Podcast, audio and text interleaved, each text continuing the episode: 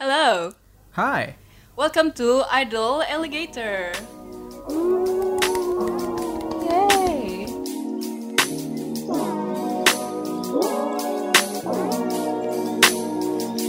Hi everyone, welcome back to Idol Alligator. Balik lagi sama gue Shaina. Dan gue Dream. Gimana nih? Bosen gak quarantine? Bosen kakak. Quarantine ini gue jadi melakukan hal yang cukup aneh-aneh deh. Kayak Apa saking tuh? banyaknya waktu di tangan gue, gue malah jadi baca apa ya berita-berita dan rumor-rumor yang hot banget. Are you talking about conspiracies? Ya, kind of. Agak malu admitnya tapi yes, it's conspiracies and I like it. Iya sih, karena konspirasi bisa bikin kita berpikir ini sebenarnya benar atau enggak sih. Not, gak usah percaya banget, cuman kayak ada Lumayan bumbu gitu sih Iya. di hidup lo kan jadinya. Emang lu denger apa Syai? Coba. Jadi tuh gue baru baca ya. Ini salah satu dari sekian banyak aja yang menurut gue menarik. Mhm. Jadi ada em, konspirasi tentang namanya Disman. This man. Orang laki-laki ini. Oke. Iya. Nah, dia tuh populer banget soalnya dia sering muncul di mimpi-mimpi orang. Tapi Oke. orang-orangnya ini nggak pernah ketemu dia dan orang-orang yang mimpiin dia tuh nggak nggak connected gitu, nggak berkoneksi satu sama lain. Oke. Agak serem. Serem ya. Kayak tiba-tiba bayangin lu tiba-tiba mimpiin orang tapi lu nggak pernah ketemu. Kecuali artis ya kan lu pernah lihat di layar kaca gitu kan. Iya, tapi artisnya nggak pernah ketemu lu. Iya, cuman kayak ya lo tahu bentuknya kayak apa. Ini orang yang lu nggak tahu siapa dia, terus tiba-tiba ada di mimpi lo. Dan mimpinya tuh unik juga, jadi kayak biasanya tuh ada tiga pattern. Jadi antara this man itu um, ngeliatin lo, serem gak lo? wow. Atau um, apa ya, comforting you, jadi kayak patting you on the back. Terus What? satu lagi tuh, iya. Terus satu lagi tuh kayak intimate apa sih connection gitulah kayak dia um, sama Pacar this gitu? ini. Not necessarily tapi kayak ya lumayan deket lah maksudnya ya ada Bro, my bro connection. gitu. Iya.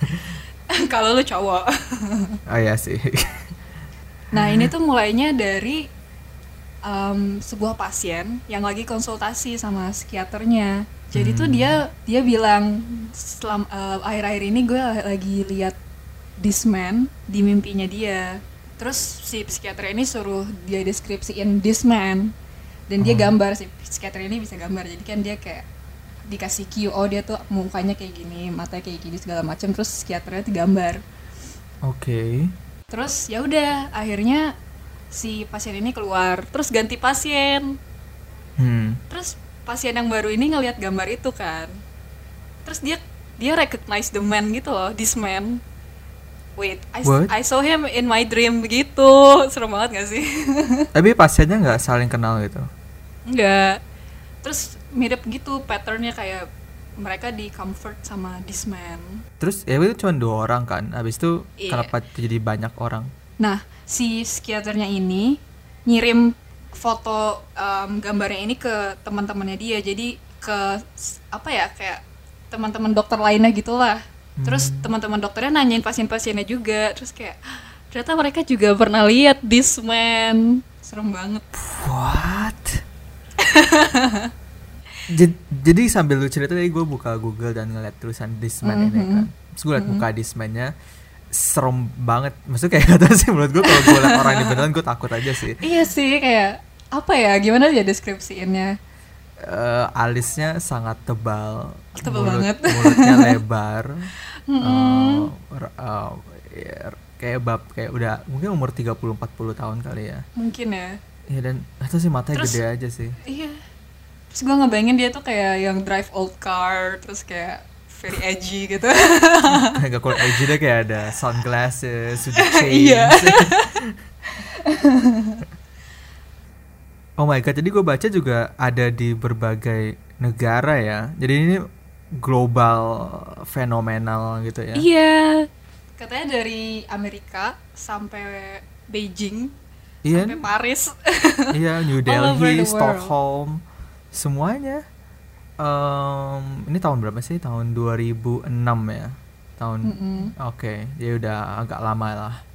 Wow, gue kayak baru discovering juga. Oke. Jadi tuh ternyata um, ada this marketer Aha. namanya Andrea Natalea. Itu cowok cewek sih? Eh, cowok deh kayaknya. Nat- Gambarnya cowok ya. Oke. Nah, terus dia juga mimpi tentang this man. Oke. Terus this man itu kayak invited him to to help look for his own identity gitu. Ayo bingung kan? Oh, jadi di mimpinya dia tuh ngajak pokoknya tuh si Andrea Natalia ini pokoknya menginterpretasikannya ya udah gue bikinin gue bikin website gitu. Oke, agak aneh sih.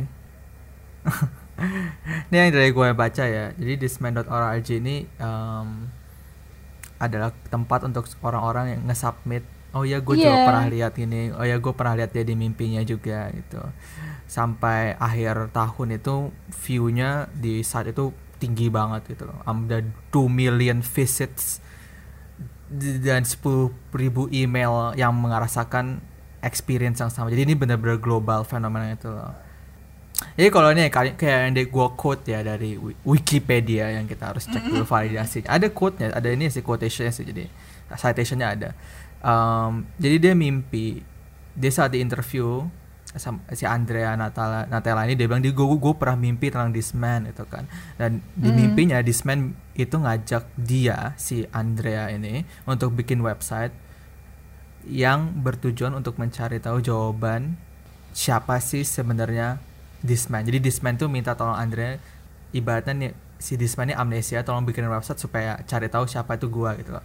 Dan pas bangun si Andrea oke ya kenapa nggak ada ruginya gitu kan ya udah gue bikin deh gitu kan dan ternyata ini ngebum banget karena semua orang merasa pernah lihat dia gitu kan Iya, jadi orang-orang cerita di website itu tentang versi-versi mimpi mereka masing-masing ketemu this man. Iya, dan salah satu yang paling famous adalah be- beberapa orang ngelihat er, kayak kemiripan Disman ini dengan berbagai tokoh. Salah satunya ada Andrew Lloyd Webber sama Abdel Fattah. Gue gak kenal dua-duanya siapa, cuman mirip mukanya. Nggak mirip sih, kayak alisnya nggak segede itu sih. Enggak, tapi menurut gue nggak mirip makanya. Tapi banyak yang berspekulasi mirip gitu kan. Ada yang bilang juga em, kalau ini adalah manifest apa kayak em, jelmaan Tuhan gitu loh. Karena semua orang memimpikan orang yang sama. Jadi kayak oke ini jelmaan Tuhan yang bikin nah itu konspirasinya. ya itu yang bikin jadi agak konspirasi sih. Tapi ada juga yang bilang kalau dia jadi this man ini si muka dia ini adalah um, gambar yang terbentuk di otak kita kalau kita lagi facing a difficult situation. Jadi kayak Oh. archetypal image gitu. Jadi I don't know mungkin our brains are programmed the same way kalau lagi kenapa-napa mungkin liatin kayak gitu kali orangnya. Makanya it starts with um, patience yang agak terganggu gitu. Gue nggak tahu sih. Tapi kayak nggak tahu sih gue mimpi ya kayak gue ngeliat gue mimpi aja gue nggak belum pernah bermimpikan nih orang sih sebenarnya kayak kalau ada orang lain yang kayak gue gak kenal tapi kayak ya udah deket kayak di mimpi tuh kayak gue deket dan bla bla bla gitu pasti mukanya nggak kelihatan nggak tahu kenapa. Kayak gue nggak bisa mukanya sama sekali. Dan gue agak kaget orang-orang bisa ingat mimpi dia apa dan em, mukanya kayak gitu. Yang sebenarnya kalau pikir-pikir hampir 90% mimpi lu lu pasti lupa gitu loh. Jadi satu tanya kayak lu mimpiin tentang dia nggak? Kayak kayaknya iya. Kayak ada sugesti di mana lu berpikir kayaknya iya. Tapi kalau saat lu berpikir rasional dikit kayaknya agak nggak mungkin deh jadi gue scroll ke bawah lagi kayak banyak yang coba untuk ngedebunk tentang this man theory ini kan bahwa dia adalah suatu jelmaan Tuhan atau dia adalah um, psychological trigger for human gitu loh. Kalau oke ya, kalau orang ini butuh bantuan saat mimpi akan muncul this random guy gitu. Dan akhirnya si Andrea Natella itu um, ngaku kalau dia bikin website itu untuk marketing. Jadi this man is not real. Ya, ah, this man is not real. Um, jadi dengan menggunakan website ini dia mau ngepromosiin salah satunya adalah film namanya The Stranger sama The Colonel kayaknya gue nggak tahu sih The Colonel sama ya, Bukan The Colonel tuh source-nya. Filmnya The Oh, Stranger. oke. filmnya The Stranger Jadi it's all just marketing strategy. It's not real. Yeah, but the power of marketing itu sangat Agreed. strong ya, Shay kayak. Oh iya, dia bilang dia mimpiin itu dan lu berpikir kayak kayaknya gue juga pernah bermimpi itu. Itu agak serem sih. The power of suggestion juga sih. The power of suggestion. ha-ha. Mungkin selain this man kali ya. I also have another man. Oh. Who is this man? Mungkin kayak beberapa beberapa hari ini em, ada berita tentang ada satu entrepreneur terkenal yang akhirnya punya anak. Saya udah punya anak sih, cuman kayak dia baru-baru ini ada newborn baby. Kayak gue tahu. gitu. Ya, harus lo tahu sih. In, namanya adalah Elon Musk, the owner of SpaceX And Tesla. and Tesla and other companies dia kayak ada banyak company gitu lah nah dia recently kan sama istri atau pacar gue gak tahu sih intinya em, penyanyi Kanada nggak salah namanya Grimes Mhm. dan dia punya anak akhirnya yang namanya cukup aneh kalau gue baca pun juga gue nggak tahu cara baca gimana jadi namanya adalah X AE tapi A sama E nya gabung A strip 12 jadi kayak nama droid di Star Wars gitu kayak R2D2 atau Tapi ini lebih C-3PO panjang gitu. sih. ini lebih panjang. Karena nama, nama panjangnya kan bukan nama panggilan. Gue gak tahu. Nama panjangnya oh nama panjangnya X A E A12 Musk Oke, Maska Ya. itu yang paling normal di antara semuanya. nah jadi em, sejak eh, ini keluar eh, jadi Elon Musk nge-tweet kan kayak nama anaknya adalah ini. Dan orang-orang mulai berspekulasi eh, cara baca kayak satu adalah cara bacanya gimana dua artinya apa. Ada yang bilang kayak namanya tuh kalau lu mau bikin pas password di Gmail kayak your kid must have one lowercase, one capital, one number and one Symbol. symbol. nah jadi em, salah satu yang kat- huruf yang paling susah dibaca adalah yang A sama E-nya gabung dan itu cara bacanya adalah Ash. X Ash. Ya jadi nama kayak gue bisa bilang em, namanya adalah X Ash A12, X Ash A12. Ya, alhamdulillah ada yang normal dikit Ash-nya gitu. Iya dan dan mungkin nama panggilannya Ash tapi itu masih belum confirm sih. Tapi orang mulai mikir kayak kalau gitu X-nya di depannya apa? Apakah X-nya 10? Apakah X-nya mantan X atau atau X-nya itu berhubungan sama nama anaknya Elon Musk yang dulu? Kan dia punya triplet sama twins dan salah satu kalau nggak salah satu nama tripletsnya adalah Xander pakai X. Jadi apakah refer ke sana atau X-nya mungkin eh I don't know eh 10 deh atau X itu berarti kesalahan. Ini kayak nama produk gitu loh, lu kayak habis launch Android, terus namanya tuh kayak ada kode-kodenya, kode tanggal berapa diproduksi, terus tipe yang mana, Expire date-nya kapan? Ya unik sekali. Jadi X itu X itu ya udah antara 10 atau apa pun. Ash, Ash-nya tuh gak ada yang tahu sih, yang penting cara baca Ash aja. Dan terakhir A12, A strip 12 itu orang pada berpikir ini dari salah satu nama pesawat eh, militer rahasia di Amerika. eh, recon. Jadi itu bukan pesawat tempur kayak pesawat scout recon biasa. Jadi buat mantau aja. Eh, atau A-nya tuh juga termasuk dari Archangel which is one of the song atau album si istrinya ini atau pacarnya tahu eh bikin pas masih nyanyi Gila juga ya. Si Elon Musk ini menginterpretasi memasukkan semua simbol-simbol soalnya tuh kayak bahkan in, per- in his personal life dia memasukkan kode-kode dan misteri-misteri di anak ya. For us to, to Yeah. think about and ponder. ini awalnya cuma dari satu tweet gitu loh ada yang nanya kayak um, ada kayak Elon Musk nge-tweet kan kayak newborn and mom safe atau apa gitu kan terus ada yang nanya what's his what's her name atau his name gitu kan terus dia jawab dengan X Ash A12 Musk dan akhirnya semua orang nge-reply ke sana kayak um, ini cara bacanya gimana ini gimana tapi akhirnya um, tanggal 6 Mei istrinya nge-confirm tentang arti namanya dan Oh. cara bacanya gimana which is very interesting ya. Jadi ada yang benar ada yang salah. X-nya itu artinya unknown variable. Jadi kalau nulis di Hmm, matematika, X, X itu yang tidak diketahui kan.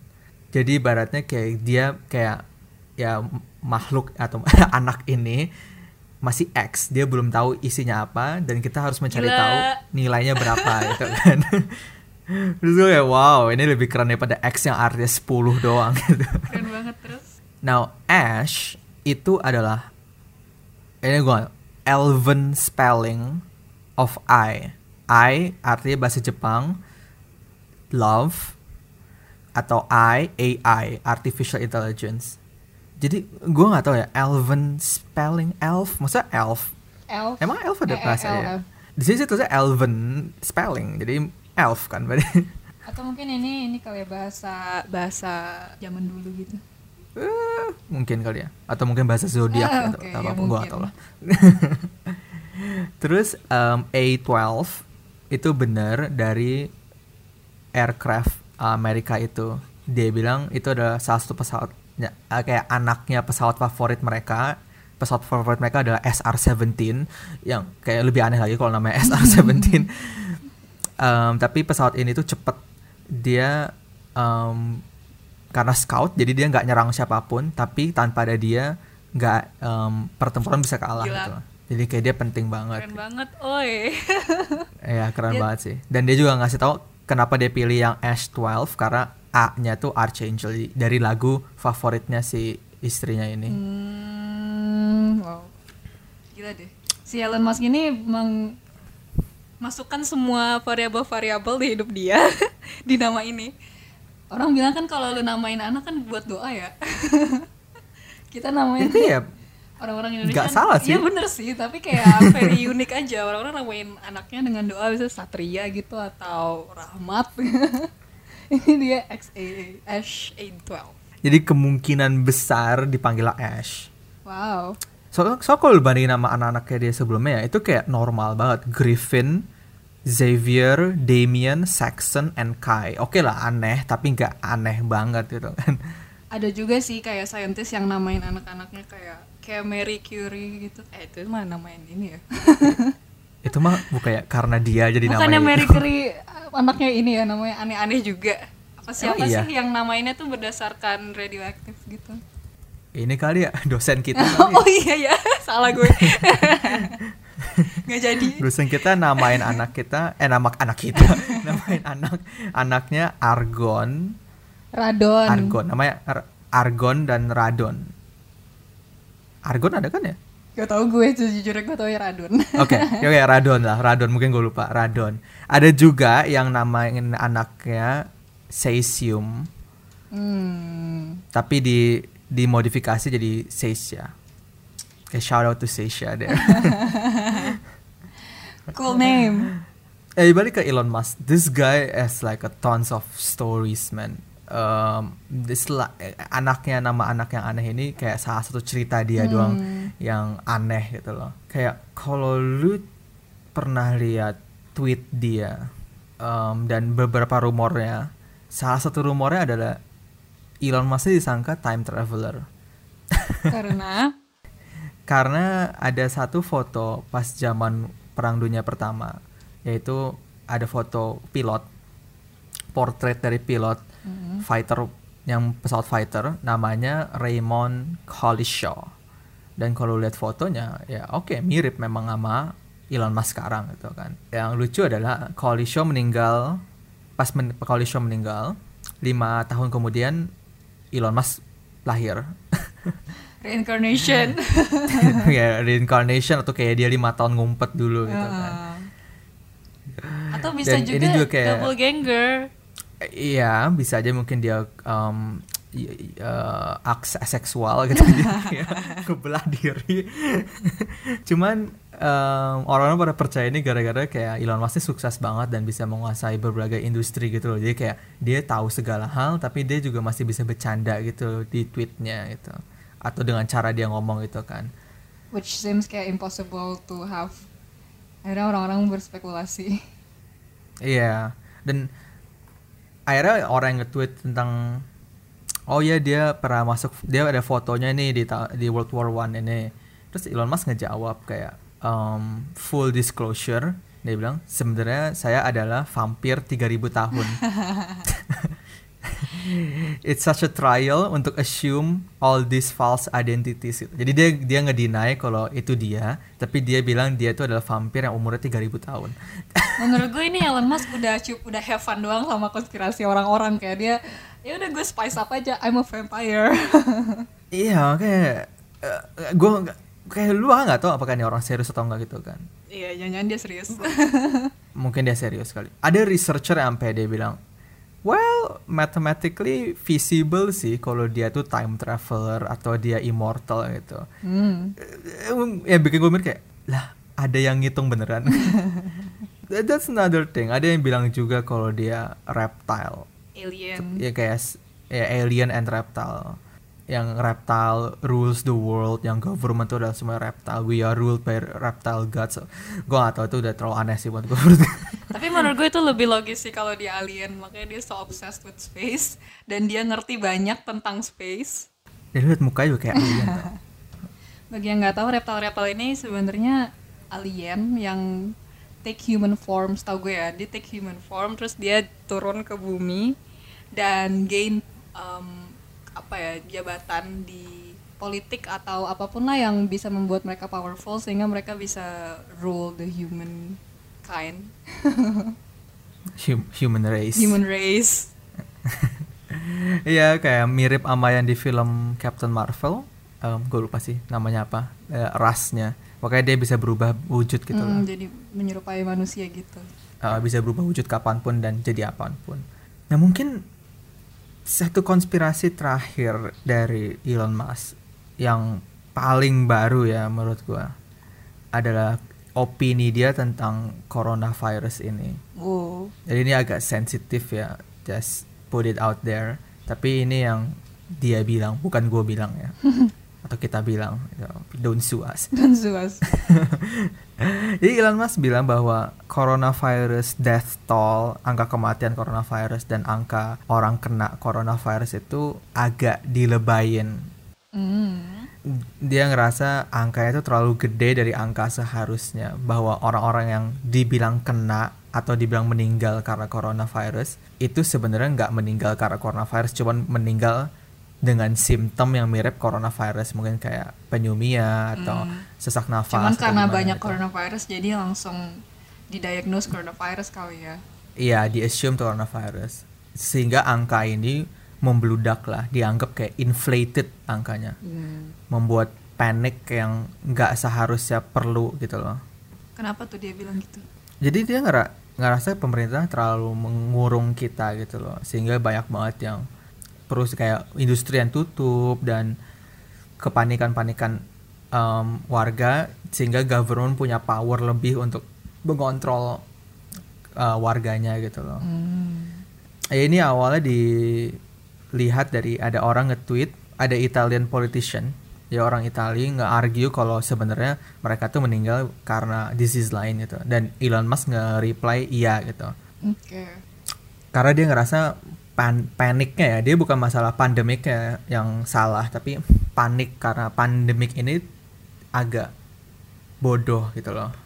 Bahkan panik-paniknya lebih berbahaya kali ya daripada pandemiknya sendiri. Benar-benar bikin orang-orang ketakutir.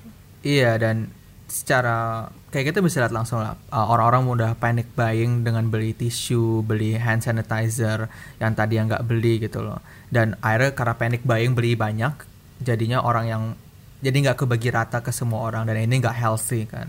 Banyak juga orang-orang yang di PHK karena coronavirus ini banyak industri yang mulai menutup, industri yang mulai ngurangin manpowernya. Jadi kena orang orang kena PHK ya. Jadi banyak banget uh, negatifnya gitu loh. Tapi gue juga baca ini teori konspirasi corona yang lain. Apa tuh? Jadi ini adalah marketing strategi dari industri vaksin. Biar, What? biar jadi kayak mereka biar vaksin mereka laku, jadi semua orang jadi kena coronavirus aja gitu. Tapi vaksinnya belum ada. Iya, ntar aja katanya. Oh jadi kayak mereka nahan iya, vaksinnya nah, gitu. vaksinnya gitu. Itu kan mahal. Ehm, Nggak tahu itu. Kayaknya- teori aja ya, guys. iya, tapi kayak kalau kita pikir secara logis ya, kayak oke dia jadi nahan vaksinnya supaya demandnya naik kan. Hmm. berarti kalau demand naik dia nurunin harga dong karena supply demand iya sih nggak tahu juga. Dan kayak pemerintah pasti kayak maksa gitu kan kayak woi lu kasih gue kok gue ngapain? Kayak gitu. Ya itu ada juga sih konspirasi lah itu. Ada sih yang satu lagi yang gue baca di di twitter ada orang bilang apakah mungkin coronavirus ini adalah suatu gerakan untuk ngurangin emisi karbon? When ya karena kita lihat angka apa ya karena nggak ada karbon di kan Iya, dan jumlah karbon di atmosfer jadi sangat menurun drastis gitu. Ini termasuk yang terendah selama beberapa tahun ini gitu. ini jadi pembersihan bumi Cuman kalau lu pikir lagi, it doesn't make sense. Kayak Cina bilang udah setelah corona selesai kita akan boost industri kita 200%. Jadi kayak netnya akan sama aja gitu loh jumlahnya. Cuman sekarang rendah, nanti tinggi. Jadi rata-ratanya sama gitu kan. Justru karena harus membangun ekonomi lagi malah makin gempar nggak sih untuk produksi ini itu jadi CO2 emissionnya sama aja tinggi-tinggi lagi nanti ini kayak hold off dulu aja ditunda dulu Iya bener banget. Dan kalau lu mau tahu deng- mau denger lagi tentang kayak gini, lu cari di YouTube atau di mana pun tentang scientist yang argue kalau ini tuh healthy buat environment itu. Coronavirus tuh healthy buat environment tuh salah gitu. In the long term sebenarnya enggak gitu. For now mungkin iya tapi in the long term enggak ya saya agree Iya. Jadi kalau lu pikir-pikir lagi, baik yang ke Elon Musk, this guy has so many stories ya, banyak banget cerita-cerita dari dia. Dan menurut gua adalah karena dia sendiri yang bikin ceritanya, dia sendiri yang bikin onar. Ini sebenarnya cara dia untuk supaya orang-orang ingat dia gitu loh.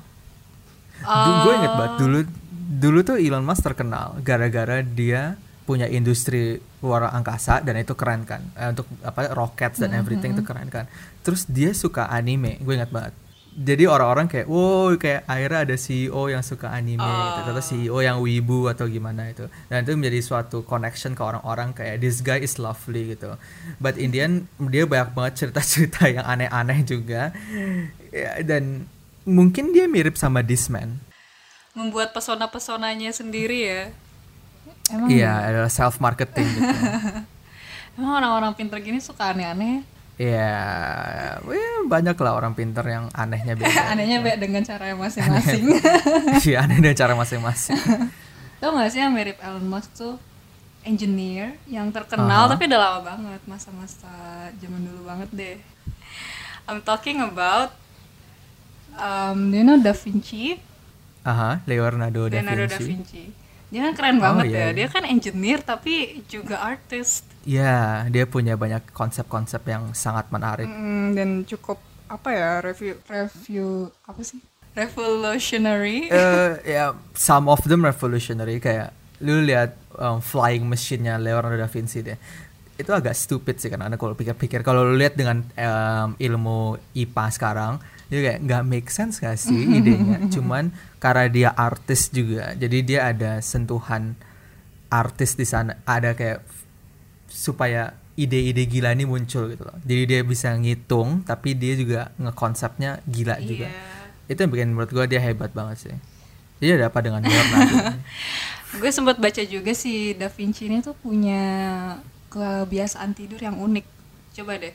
Oh lo kalau tidur dari begadang berapa lo tidur berapa jam? Eh, tujuh. 7 lah ya. Average person. 5 sampai 7 lah ya.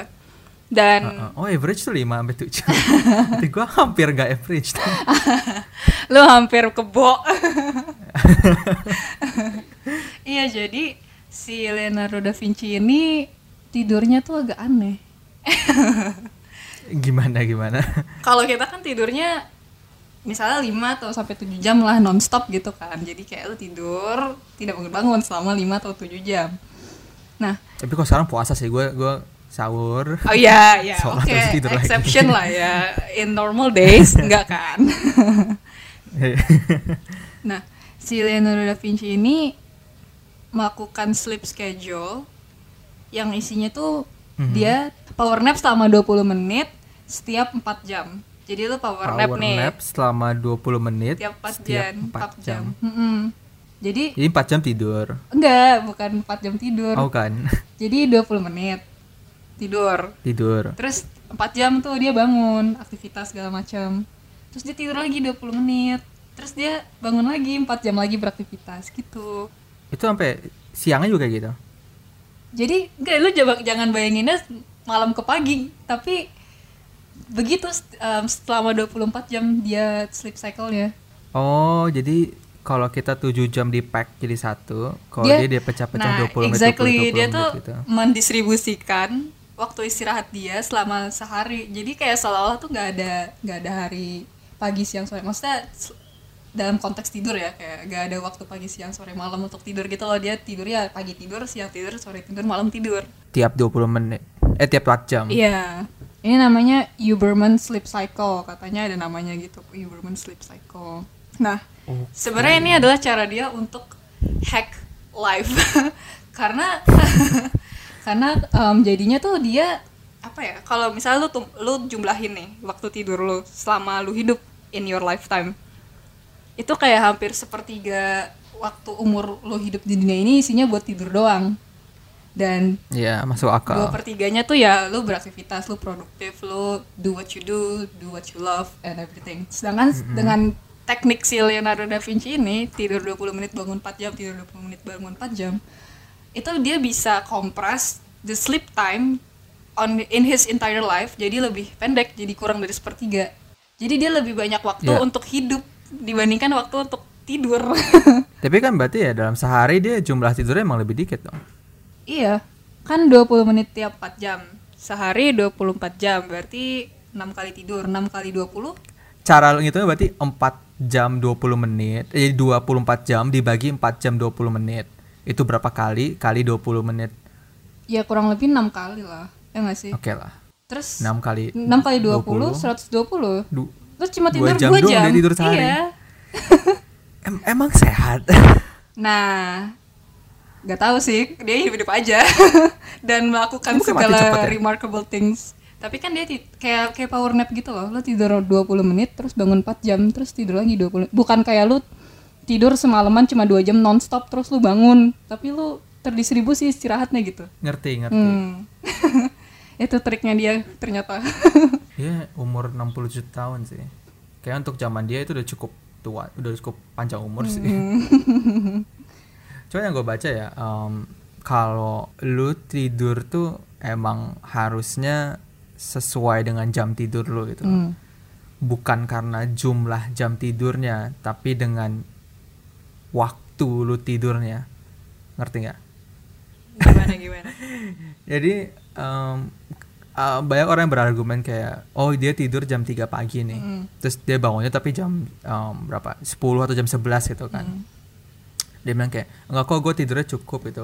Em, tapi gue tidurnya cukup sama aja kayak gue tidur jam 12 bangun jam 7 pagi gitu kan. Tapi sebenarnya nggak boleh karena badan kita udah ngeregulasiin jam 12 tuh keluar nih hormon apalah gua nggak tahu namanya atau jam 1 ngeluarin nih bad- kayak sesuai rutin badan lu gimana itu kan Hmm. nah pas lu masih bangun dan em, udah lewatin jam tidurnya kayak badan lu bingung gitu kayak oke gue keluarin nggak ya keluarin Kok nggak nggak- akhirnya nggak tahu apakah bisa over keluarin atau dikit ngeluarinnya gitu Oh, oke. jadi secara health nggak boleh gitu Tapi how do they Kecuali- know? How do your body know ya?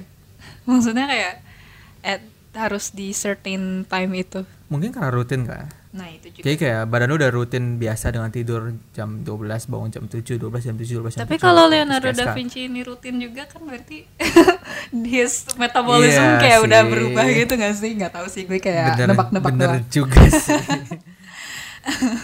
Tapi ya sih bisa aja sih. Mungkin dia awal-awalnya kayak mau mati gitu kan karena dia pasti ngantuk banget awal-awal. Tapi lampas udah kebiasaan, mungkin bad kasian juga ya badannya kayak berarti ngeluarin hormon kayak tiap 20 menit itu kayak eh Iya. stop udahan. Gak ngerti juga sih ini scientifically gimana, apakah sehat atau tidak sehat. Cuman gue pernah nonton juga ada youtuber gitulah, terus dia nyobain ini si sleep cycle si Da Vinci ini.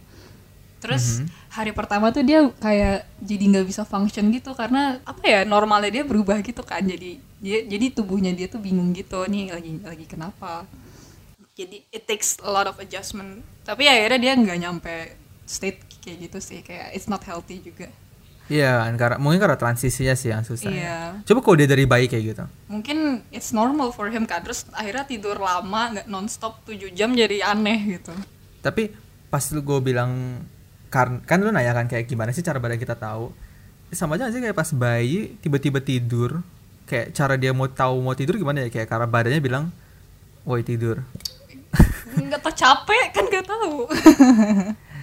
Jadi emang biologically emang dirancang untuk kayak ada tidur malam yang Hmm. panjang gitu kan. Power nap is a thing tapi bukan jadi sesuatu yang standar menurut gue ya. Coy kalau genius kali Leonardo da Vinci. Not recommended to try at home. Not recommended for normies. Iya. oh my god jadi kita udah nge-cover banyak hal sih sudah Shay. Dari this man terus Elon Musk. uniknya Elon Musk dan anaknya. Dan segala cerita Elon Musk ini. Dan terakhir Leonardo da Vinci dengan sleep tidur cycle. dia yang aneh. Yes. Heeh. ini kayak kayak topik sekarang tuh lebih ke hal aneh yang kita baca ini gue sudah merasa apa ya sedang discover other side of internet gitu. Akhirnya masuk rekomendasi gue tuh yang aneh-aneh. Wow oke. Tapi gue udah kayak gue lebih terjun yang ke aneh-aneh. Mas an- aneh-aneh itu kayak yang ada yang either horror lah ada yang creepy gitu. Hmm. maybe for another topic tapi mungkin key takeaways yang bisa kita tulis adalah satu marketing itu kuat. Marketing has power. the pow- marketing has power dan sugesti itu sangat kuat. Jadi kayak yang this man itu kan um, lu ngelihat foto itu aja langsung kayak oh ya gue pernah mimpi. Jadi sugesti itu kuat banget. Karena sugesti kuat marketingnya itu jadi kuat itu marketing itu sesuatu yang powerful. Kalau lihat di berbagai perusahaan marketing termasuk front line-nya dari perusahaan itu selain sales gitu. Jadi memang itu vital nah terakhir kalau lu orang pintar lu bebas mau ngapain aja.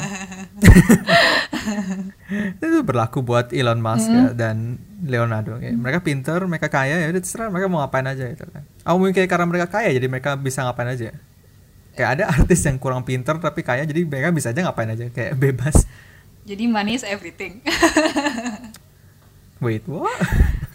Kalau lu mau ngapain aja nah kn- knowledge is power. Knowledge is power betul very wise. Well eh, itu cerita, Cerita. dari gua dan China kita hari ini. Yang nggak nggak terlalu terarah tapi kayak lebih enak kayak gini sih. Jadi nggak nggak nggak terlalu kaku juga sih nggak tahu. Let us know kalau kalian ada cerita-cerita yang aneh juga daily life atau pernah baca di internet let us know dari bisa di komen atau di DM ke Instagram kita. Yes atau ada yang mau ngide topik apa gitu mau mau dengar kita bahas apa. Boleh banget um, topik sangat terbuka buat kita. Oke I think that's all from Idol Alligator. See you all later. Bye bye. Yay.